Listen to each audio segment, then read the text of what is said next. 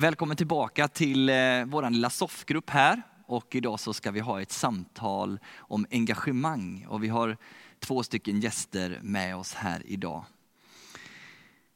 Alltså det här ordet engagemang, det tror jag de flesta har funderat över. I kyrkans värld så talar vi kanske inte lika mycket om just det ordet, utan vi slänger oss, istället, slänger oss istället med en del ord som till exempel följ mig, efterföljelse eller lärjungaskap. Det finns många ord för detta.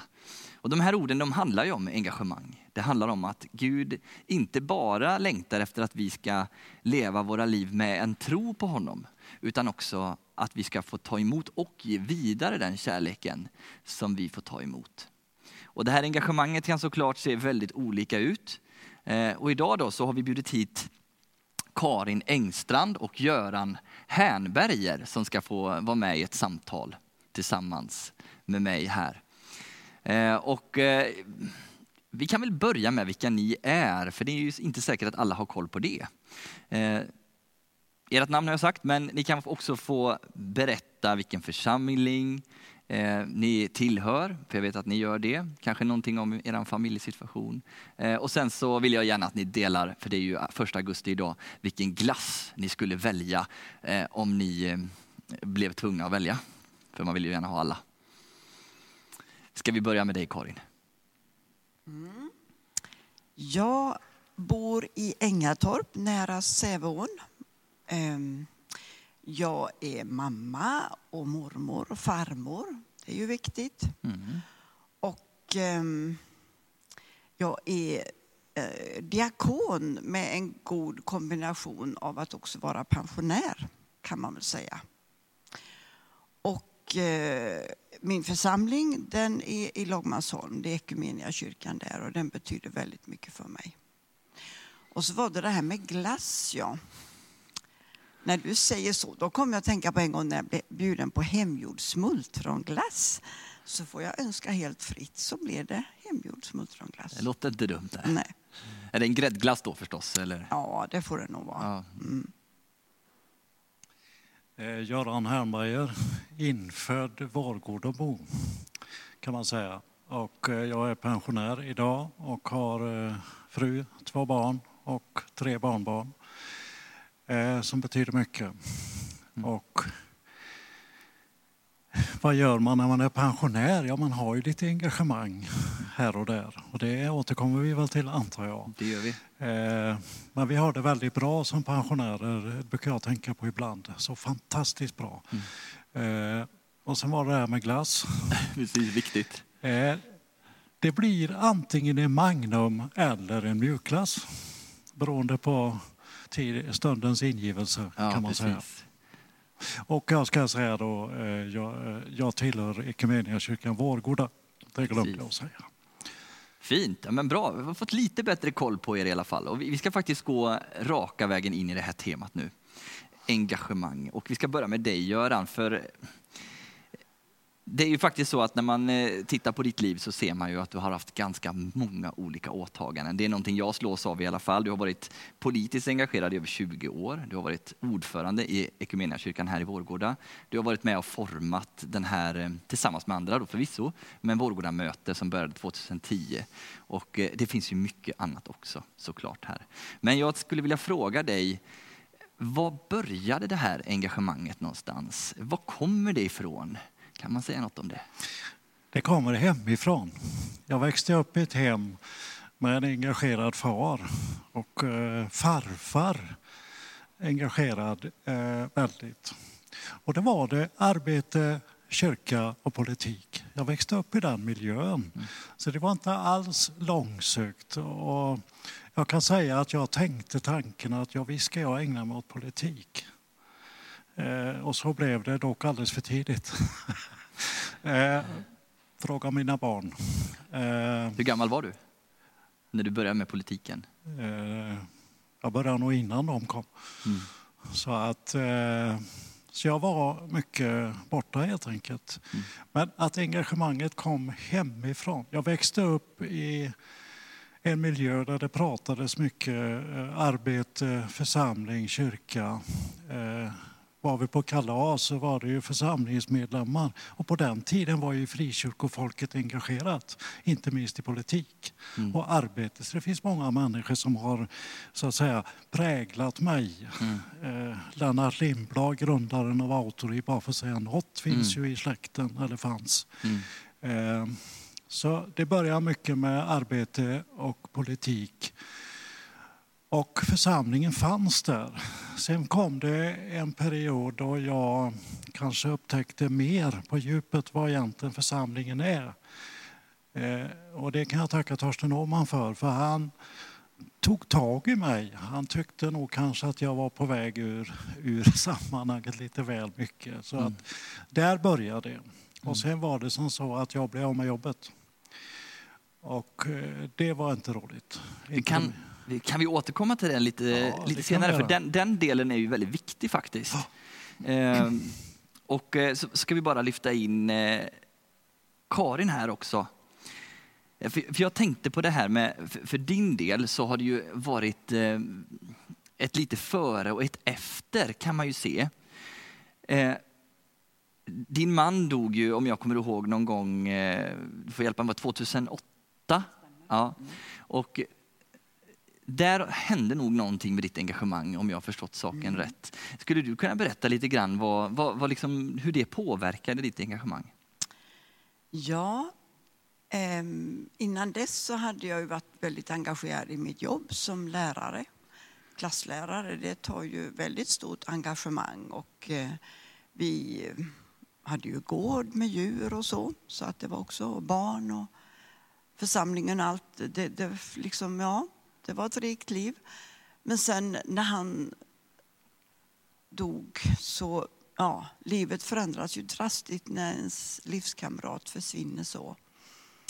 Men jag kände där att, ja, det finns ju mycket att säga om det, men församlingen betyder ju oerhört mycket och vänner och så. Men då hade jag också en vana att um, åka på retreat en gång om året. Det har jag nog gjort i 20 års tid.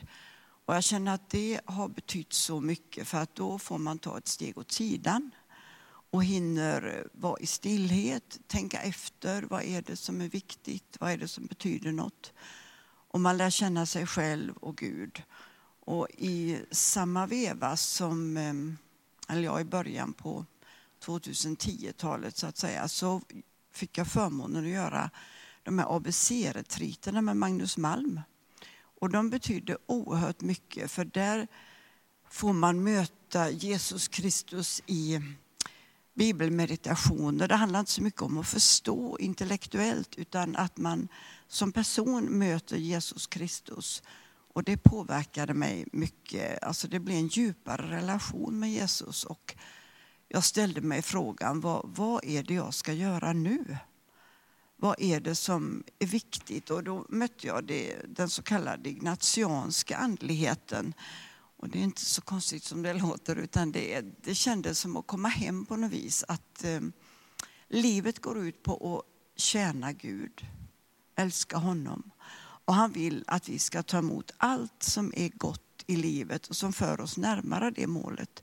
Men också kunna säga nej till det som för oss bort ifrån för möjligheten att tjäna Gud. Och ehm, ja, det, det ledde till att jag kände att jag fick en kallelse och en längtan efter att eh, bli diakon. Jag kände också att det blev för tungt att jobba så mycket med, med lärarjobbet och kunna bo kvar på gården och så. Och det vill jag göra. Mm. Blev det någon skillnad då i hur du tänkte kring engagemang före och efter den här, den här händelsen, att du upptäckte retriter och så vidare? Hur, kan du säga något om det? Ja, det kan jag nog säga att innan var mer att man, vad ska jag säga, ville vara duktig och hjälpa till och duga kanske. Mm. Eh, Och jag mötte ett uttryck som sa så här, att gör du det här för att bli älskad eller för att du älskar och är älskad. Mm. Och där kände jag att den, kanske vissa saker i mitt liv, det gjorde jag nog mer av plikt än av kärlek. Och att jag tror att Gud vill att vi ska hitta vår djupaste längtan. Det betyder inte att vi ska bara springa runt och göra det som är roligt, men det som ger oss den djupa glädjen och meningen i livet där vi känner att där man har sina gåvor, där ska man vara.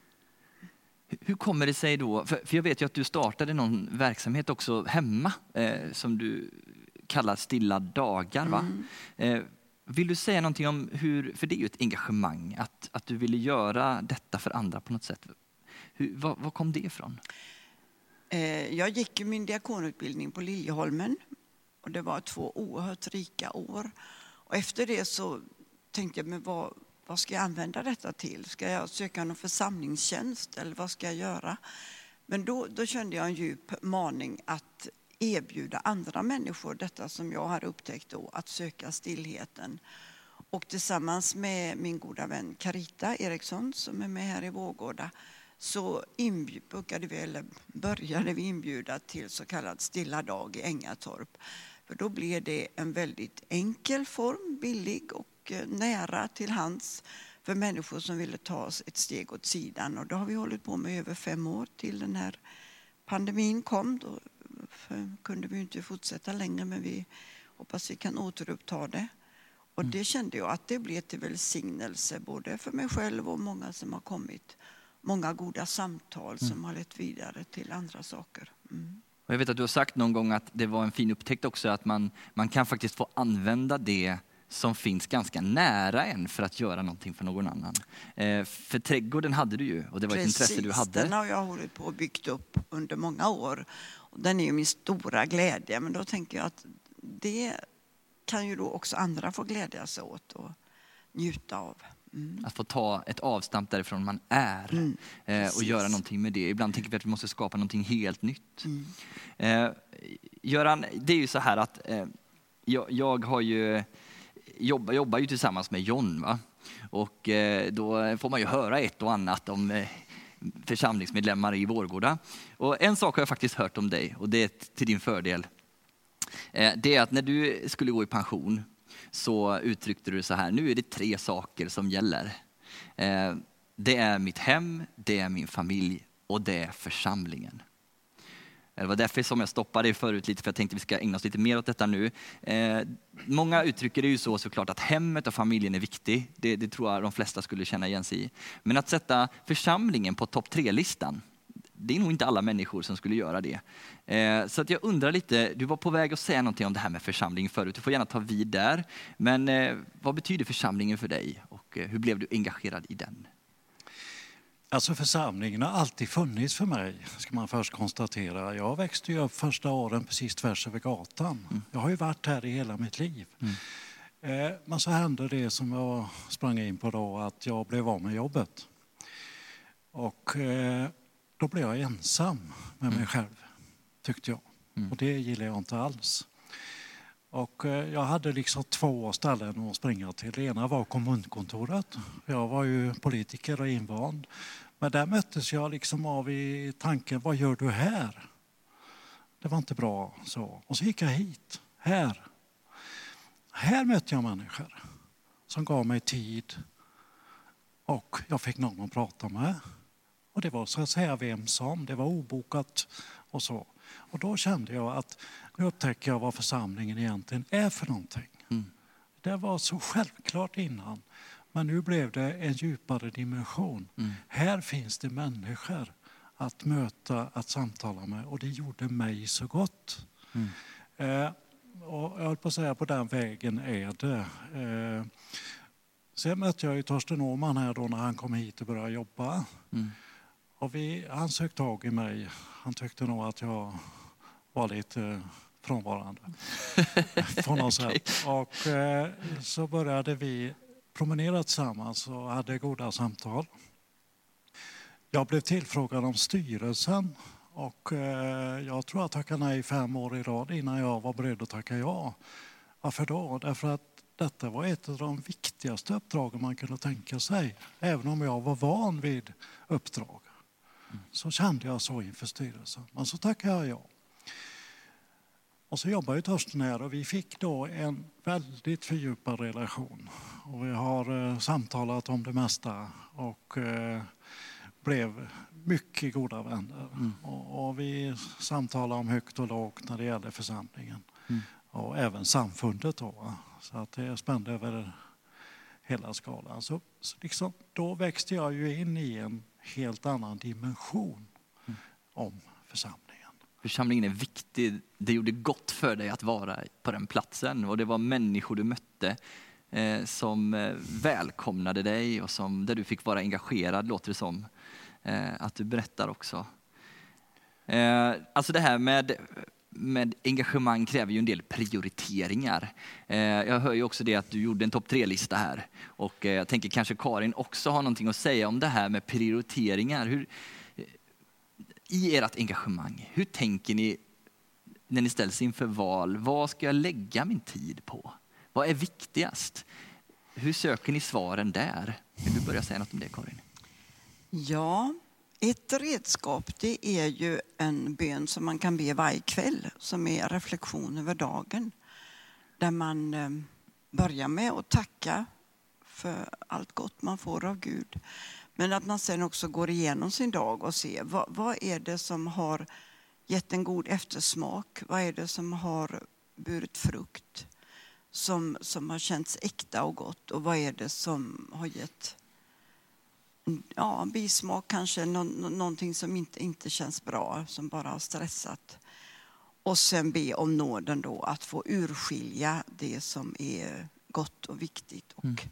be om nåden att få vara i det nästa dag och så vidare. Så att, um, ett dagligt arbete då, låter ja, det som? ett dagligt arbete. Mm. För att... Och sen eh, kanske med att man stannar upp någon gång i veckan också. Ja, det finns mycket att säga om detta, men det är att man faktiskt reflekterar över sitt liv och inte bara rusar på. För mycket i vår tid går ju ut på att det ska fyllas så mycket som möjligt och då har ju pandemin mm. faktiskt fört med sig någonting gott också. Att man har fått mer egen tid där man har fått ja, möjlighet och, mm. kanske fundera på vad är det som verkligen betyder något. För att inte engagemanget ska välja sig självt så mm. behöver man stanna upp och reflektera ja. över det. Så att man får vara med påverka mm. vilken ja, riktning. Visst. Har du någonting som du vill lägga till här Göran? Ja, men min ingång i det här var, var lite annorlunda. Jag började med att ta ner engagemangen eh, innan jag blev pensionär. Va? Det här med Vårgårda möte och allt det här. Jag tänkte, nej, nu ska jag ha en annan prioritering och det var mera styrd av att jag ville ha mer tid för fru och barn och barnbarn. Då. Och, eh, mm. Då blir ju församlingen, kan jag inte prioritera bort, det går liksom inte. Va? Så att ifrån mitt, mitt tänk då så var det att försöka skaffa sig en behaglig pensionärstillvaro. Mm. Eh, sen, eh, ja, sen har det ju kommit engagemang efter det då. så att, eh, eh, men för mig går det inte att tänka bort församlingen, så det var väldigt enkelt. Det var mm. ingen... Vad är omistligt helt enkelt? Och då kom du till de tre? Ja, nej, de fanns liksom där. Mm. Så att, eh, nej, det finns ingen djupare motivering. Nej, men ändå en viktig motivering, för du gjorde en tydlig prioriteringslista. Ja. Eh, och där fanns församlingen med. Men eh, nu tänkte jag att vi skulle ta en liten paus här och eh, vi ska sjunga eller lyssna till en sång som heter Kom Jesus kallar. Och det passar ju ganska bra in i det här samtalet, att vi får vara med. Jesus kallar oss att vara med. Och medan vi lyssnar till den sången som Tobias med band här leder, så får vi också vara med och ge. Inte bara av vårt engagemang då, utan också av pengar. Skulle du vilja ge en slant till vårt arbete för att vi ska kunna fortsätta göra Guds rike känt och spritt i de här trakterna, så gör gärna det. Två swishnummer finns det. Ni får ge dit ni känner att ni vill. Välkommen tillbaka till det här samtalet om engagemang med Göran Hernberger och Karin Engstrand. Jag tänker på en sak som ju är väldigt viktigt när det kommer till engagemang. Och det är drivkraft. Jag har ju inte haft mitt kontor sådär jättelänge i kyrkan Vårgårda, men jag har ju redan hunnit träffa på dig många gånger Göran. Du är här och gör olika saker och jag märker att du är en engagerad människa. Och Karin, du ringer ofta till mig och berättar om födelsedagar, människors behov och eh, det kan vara någon som har särskilt behov av, av förbön eller sådär. Eh, och frågan som dyker upp då är ju såklart, vad är drivkraften till detta? Vi har varit inne lite på det innan, men den djupaste drivkraften till att göra någonting överhuvudtaget för andra människor. Eh, finns det någonting ni vill säga om den? Ska vi börja med dig Karin? Ja, men det är ju, det är ju så vi är skapade tror jag, till gemenskap och att bry oss om varandra. Och eh, jag tänker själv, som du nämnde när jag fick eh, min stora sorg då, så oerhört mycket som församlingen betydde för mig då. Det var ju ovärderligt.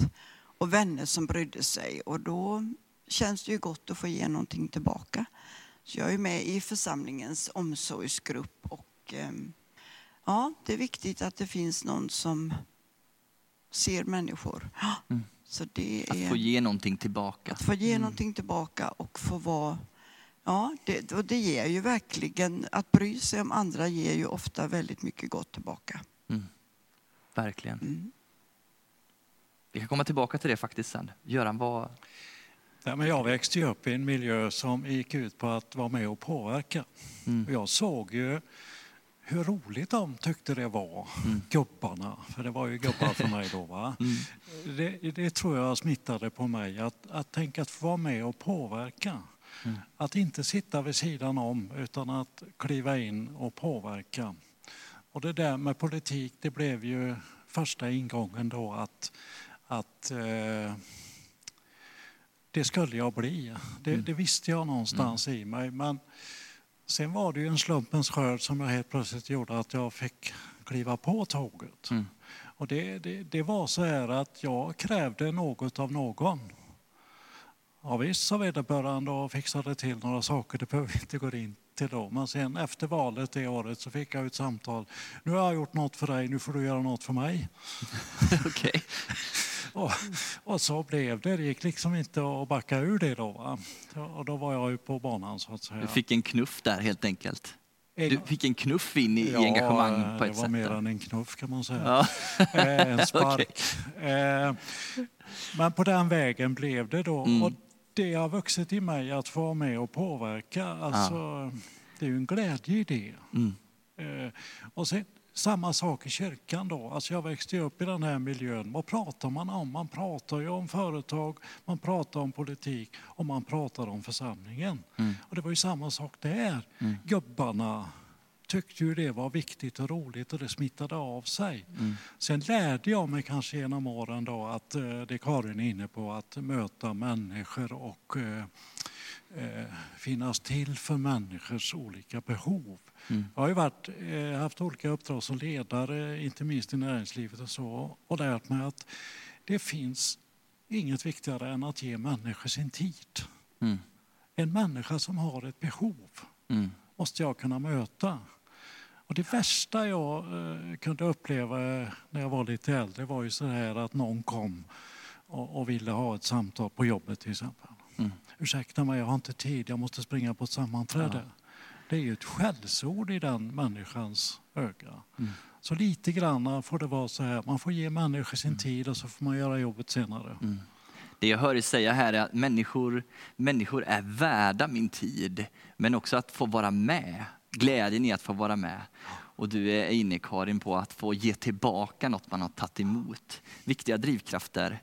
Eh, En viktig fråga att ställa också när vi pratar om engagemang, det har ju med detta att göra att många engagerade människor också ibland hamnar i diket att man blir utmattad eller att man tappar gnistan. Därför att man tycker det är så roligt och härligt att vara engagerad. Att man helt enkelt glömmer bort den andra biten, att man också behöver återhämtning. Och jag undrar, har ni något tips eller har ni något sätt att jobba med det i ert liv som gör att ni håller en god balans? Lite kort här nu för tiden rullar. Jag tror att, inte att jag har en medveten eh, uttalad strategi att hålla balans, men jag, jag kommer osökt att tänka på ett samtal med Torsten Åhman som gick ut på att man måste se till att ha roligt medan det pågår. Mm. Alltså blir det motigt, Mm. då får man ju tänka till. Eh, Men, men jag tycker jag har varit privilegierad att få ha roligt genom hela mitt liv i de olika engagemangen. Mm. Sen har inte allt varit enkelt, det är inte det jag säger. Men eh, blir det motigt ska man tänka till. Karin? Ja, jag vet inte vad jag ska komplettera med, men det är ju en, en tidssjuka detta att eh, så mycket vill fylla vår tid. Men eh, ja, då tror jag den här eh, urskiljningen, att man faktiskt stannar upp då och då mm. och tänker efter vad, vad är det som, som är viktigast. Mm. För det är så många saker som är så, kan vara så roliga, men att ibland måste man också välja bort. Mm. mm. Vi har varit inne på det här och eh, det får bli en lite av en sammanfattning. Att det är väldigt roligt att få vara med. Det är någonting med det. Att få göra något för någon annan som känns djupt meningsfullt. Och jag läste för ett tag sedan i en broschyr någonting som gjorde mig väldigt glad. Det, be, det bekräftar just detta. Det stod så här, att hjälpa andra är ibland det bästa du kan göra för, att, för dig själv och din egen lycka. Det finns en undersökning som visar att lyckokänslan blir högre direkt efter att en människa hjälpt någon annan och då, önskar också, och då ökar också viljan att göra det igen. Alltså, det finns någonting nedlagt i oss. Kanske är det något vi har ärvt av Gud. Gud är ju en utgivande Gud. Kanske det är något vi också har fått. Gåvan att få vara med och ge till andra av det vi har. Nu är alldeles strax den här gudstjänsten slut. Tack för att du har deltagit där du finns. Och ni som har tjänat här i samtal, i sång och musik, våra fantastiska tekniker bakom kameror och datorer och mixerbord och allt vad det är som gör det här möjligt. Tack för er goda insats. Välkommen att vara med nästa söndag. Då är det den sista gudstjänsten i 45 minuter gudstjänst.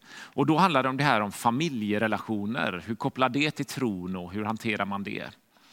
Missa inte det. Du kan delta online från klockan 10 på Youtube på söndagar. Eller så kommer du hit till Equmeniakyrkan Vårgård och så kan du delta i gudstjänsten på skärm tillsammans med andra. Nu vill jag som avslutning be om Guds välsignelse över dig. Ta emot den. Herren välsigne dig och bevara dig. Herren låter sitt ansikte lysa över dig och vara dig nådig. Herren vänder sitt ansikte till dig och ger dig frid och fred. I Faderns och Sonens och den helige Andes namn. Amen.